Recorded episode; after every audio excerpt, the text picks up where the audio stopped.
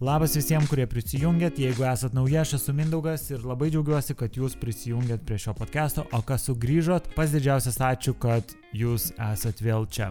Ir šiandien pakalbėsim tokią temą, kuri yra ne tik mano problema, bet ir tavo problema, bet ne tik, o absoliučiai mūsų visų problema, šio laikinio pasaulio problema, tai yra, kad mes įpratom viską gauti čia ir dabar.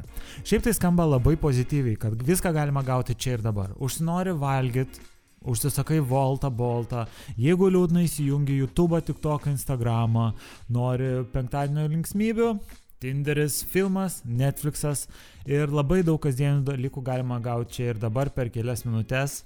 Ir Bet, bet tai padarė labai didelę meškos paslaugą, nes mes antiek viską įpratom gauti čia ir dabar, kad tai persimetė ir į mūsų kasdienį gyvenimą, į tokias rytis, kur mes negalim paskubinti dalykų. Tokias rytis kaip santykiai, kaip vaikų auginimas, kaip vaikų auklėjimas, e, karjeros siekimas, verslo statymas, projektų įgyvendinimas ar net paprasčiausias social media sėkėjų rinkimas mes visi įsivaizduojam, kad viskas vyksta čia ir dabar, kad social media kelsi vieną, du, tris, keturis paustus ir jau pradės plūsėkėjai, pradės visi komentuoti.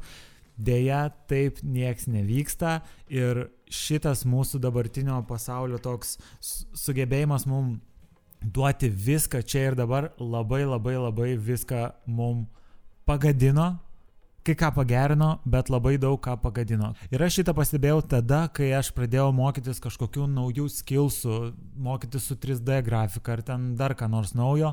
Bandau mokytis susigalvojęs tikslą, kad aš noriu padaryti ten vos ne visos komandos darbą pats, labai sudėtingus kokius nors 3D grafikas ir aš pabandau vieną, du kartus, nesigauna, ai ir viską numetu.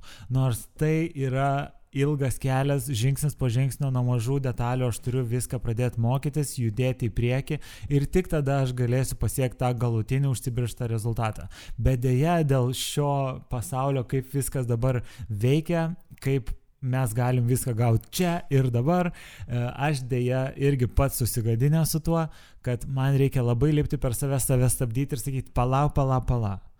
Tu sustok ir daryk žingsnis po žingsnio, ne viską iš karto, ne pati, nebandyk iš karto siekti uh, kažkokio profesionalaus rezultato, kai tu net neturi basic žinių. Bet, bet, bet mes šitą, žinodami tą dalyką, kad visa žmonija yra pagedus šiuo klausimu, mes galim tai labai puikiai išnaudoti.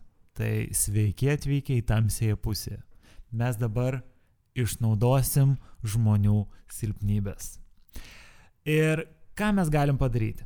Mes galim tiesiog pasimti šitą mąstymą ir jį apsukti. Ir ką tai reiškia? Kad dabar visi nori visko čia ir dabar. Bet jeigu mes įlysim į bet kokią sritį, kurioje mes norim save išaukštinti, tapti, ar nežinau, žinomi, ar, pavyzdžiui, darbe pasiekti kažkokią poziciją, Mums tiesiog labai pagelbės tai, kad mes, žinodami šias žinias, mes galim tiesiog už, pabūti vienoj srity ilgiau už kitus ir mes jau busim ne galva aukščiau, mes busim visų penkia aukščių aukščiau už tuos žmonės, kurie galvoja, kad jie viską turi gauti čia ir dabar.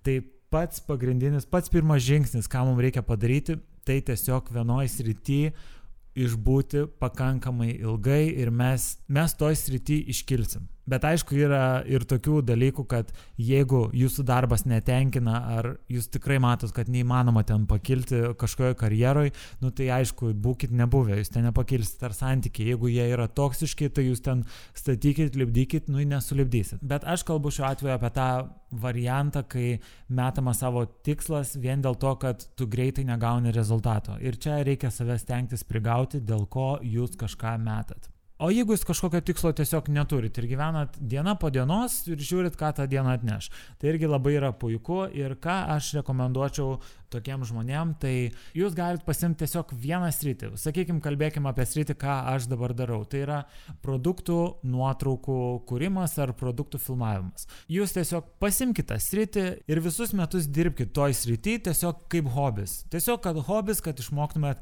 disciplinos, kad išmoktumėt naujų skillsų, išmoksit Photoshop, išmoksit Premiere Pro ir jūs turėsit kažkokį skillsą, kurį galėsit pritaikyti, kad ir savo šeimos video savo šeimos atostogų video kūrimui ar retušuoti savo nuotraukas. Ir aš jums galiu garantuoti, jeigu jūs liksit su šituo tikslu visus metus, jūs po metų, jūs turėsit tokias žinias, kad jūs galėsit įsidarbinti bet kokioje reklamos agentūroje, galėsit eiti dirbti montuotojų bet kur Bet, ta prasme, tikrai, tikrai bet kur galėsit eiti montuoti video į televizijas, galėsit eiti montuoti video kitiem kuriejam ir galėsit paprašyti tikrai gerą uždarbą, nes jūs turėsit skilą, kurį išugdėt per visus metus.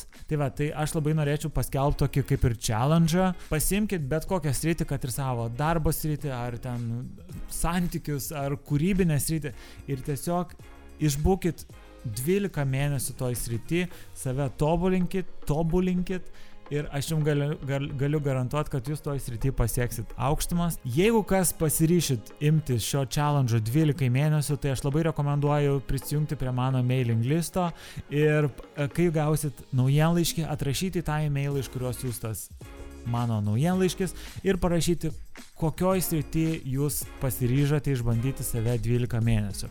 Tai va, ir aš labai norėsiu su jumis susiekti po 12 mėnesių, paklausti, kaip jums sekasi. Tai gerai, ačiū labai, kad jūs klausėtės manęs, prisijungit prie naujienlaiškio, gausit labai gerų patarimų, tipsų, istorijų, ta prasme, labai labai fainas naujienlaiškis, negeriant savęs, bet e, prisijunkite jau ką, bet kada galėsite atšaukti. Ačiū, kad klausėt ir tikiuosi susitiksim kitame epizode. Ate. Iki. Ne te, o iki.